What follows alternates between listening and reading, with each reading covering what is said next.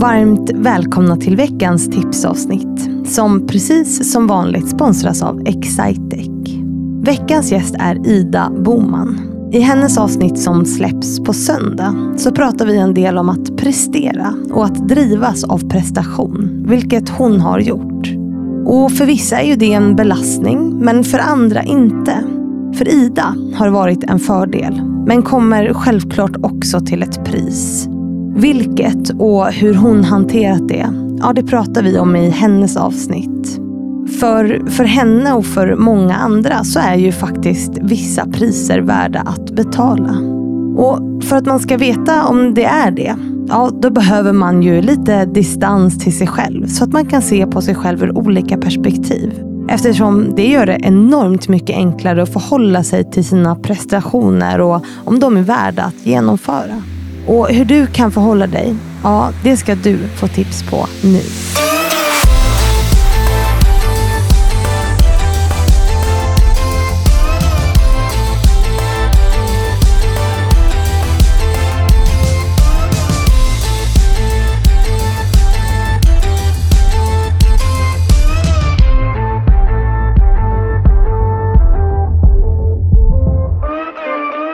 Vi säger varmt välkommen till Ida Boman. Tack. Känner dig manglad, eller? Ja, men lite grann. Lite grann. Nej, men det har varit jättetrevligt. ja, du kommer inte ihåg vad du har sagt överhuvudtaget. jag kommer knappt heller ihåg vad vi har pratat om. Eh, nej, men vi har varit ganska djupa idag. Ju. Mm. Eh, jag har liksom bottnat i dig. Det lät Mm. nästan lite snuskigt, men, men förlåt. men vi har, vi har grävt i dig. Det Mm. kanske var ett bättre uttryck. Ja. eh, om prestationer väldigt Mm. mycket och att vara väldigt prestationsbaserad. Mm. Eh, vilket ju är något som har drivit dig mycket. Mm. Eh, och liksom, vad har det för konsekvenser? Mm. Fördelar, nackdelar? Hur kan man få distans till det på något sätt? Mm. Eller hur? ja, Det, det är mycket där vi har det är varit. mycket där ja. Och det är också något som jag tror att väldigt många kan känna igen sig i. Kanske Mm. framförallt kvinnor i och med att det ställs väldigt mycket högre krav på kvinnors prestationer eh, generellt. Så. Mm. Mm. Så nu, eh, nu kommer du åka hem till Jönköping snart och somna på tåget då, Mm. antagligen. Eller förlåt, inte Jönköping, Huskvarna. Exakt. ja, det blir nog eh, lite vila på tåget. Ja, det blir det. Mm. Eh, Men du ska ju få ge tips till de som lyssnar. Så här, det här släpps ju på en onsdag, så mitt i Mm. veckan så får man tre bra tips. Och I och med att du har liksom baserat mycket av ditt liv på prestationer och sådär, så ska du få tipsa på hur man kan förhålla sig till Mm. just prestationer. Så jag lämnar över till dig. Ja, nej, men mitt första tips är väl egentligen att inte titta eller lyssna för mycket på andra, Nej. utan fundera på vad det är som är viktigt för dig Mm. och vad du vill. Mm. Det, det är väldigt lätt att, att jämföra sig med andra. Mm. framförallt med alla sociala medier och allting vi har. Så att, eh, det är ju svårt. Ja. Men att eh, fundera ordentligt på vad man själv vill, vad du själv vill och inte vad andra gör. Mm. För ska man försöka matcha alla andra så, så det går inte. Nej. För att alla gör ju olika saker Mm. och man är ju bara sig själv. Mm. Så det är väl mitt första tips. Mitt andra tips är att stanna upp och titta bakåt. Mm. Det gör jag väldigt ofta. Jag kanske är dålig på att fira mina segrar precis när de kommer, men jag är väldigt bra på att titta bakåt Mm.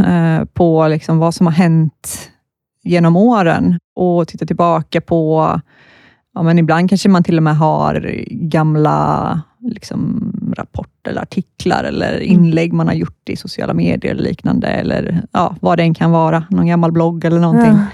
Titta tillbaka på gamla saker och reflektera över hur långt man har kommit, Mm. snarare än att bara titta framåt hela tiden. Mm. Och eh, Mitt tredje tips handlar om värderingar. Det är någonting vi pratar väldigt mycket om på, alltså, inom företag eh, och att man jobbar efter vissa värderingar och vi har de här värderingarna. Jag var på en, eh, en, eh, ett seminarium eller en, en workshop nyligen, där vi fick reflektera väldigt mycket över våra egna värderingar Mm. fick en hel bunt med kort med massa ord, hundra ord om, som skulle kunna vara olika värderingar och så skulle vi välja ut och bryta ner till några stycken.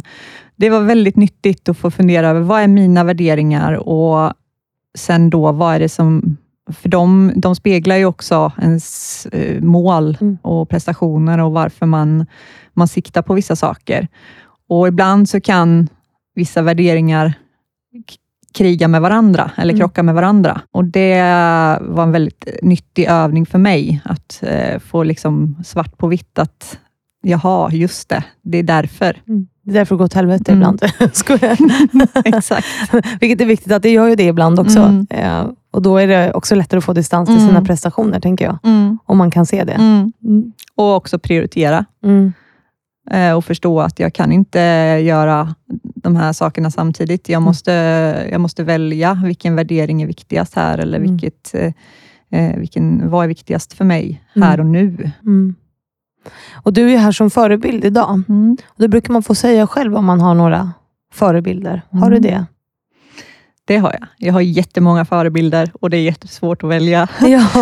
Men en, en eh, enorm förebild eh, för mig heter Kalle Andersson. Mm. Han eh, har varit min eh, chef, han har varit min ledare, han har varit min kollega och eh, lärt mig otroligt mycket om ledarskap och eh, ja, men det, det ledarskapet som jag, eller den ledaren jag vill vara Mm. eh, i och det vi har pratat om idag också och lyssna på andra, leda med hjärtat. Fint. Ja. Grattis Kalle Andersson. Men då säger vi tusen tack Ida för att du har varit här och så säger vi åt alla att de ska lyssna på ditt avsnitt. Mm. Tusen tack. Tack själv. Och tusen tack till alla er som lyssnat på veckans tipsavsnitt. Jag hoppas att ni får en fortsatt bra vecka och sen så hörs vi ju på söndag igen, precis som vanligt.